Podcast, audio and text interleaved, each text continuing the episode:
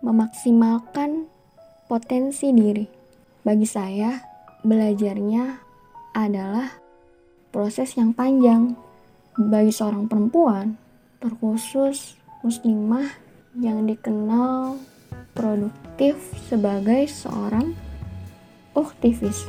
Ada banyak hal yang harus dipersiapkan, direncanakan, dan diperjuangkan. Menjadi seorang yang sukses sejatinya bukan untuk diri kita sendiri, melainkan untuk orang terdekat. Siapa? Yaitu keluarga, terkhusus orang tua kita, hingga masyarakat luas.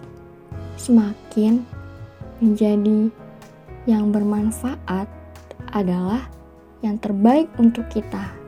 Di mana pun kaki kita berpijak, di situlah tempat kita untuk berdakwah, menyeru kepada yang ma'ruf, serta mencegah terhadap yang munkar.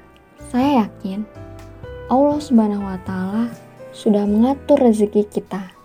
Jangan khawatir, saat kita mampu memaksimalkan potensi yang kita miliki, tentu kemudahan akan senantiasa mengiringi. Maka, Cara terbaik kita untuk memprediksi masa depan adalah dengan menciptakannya.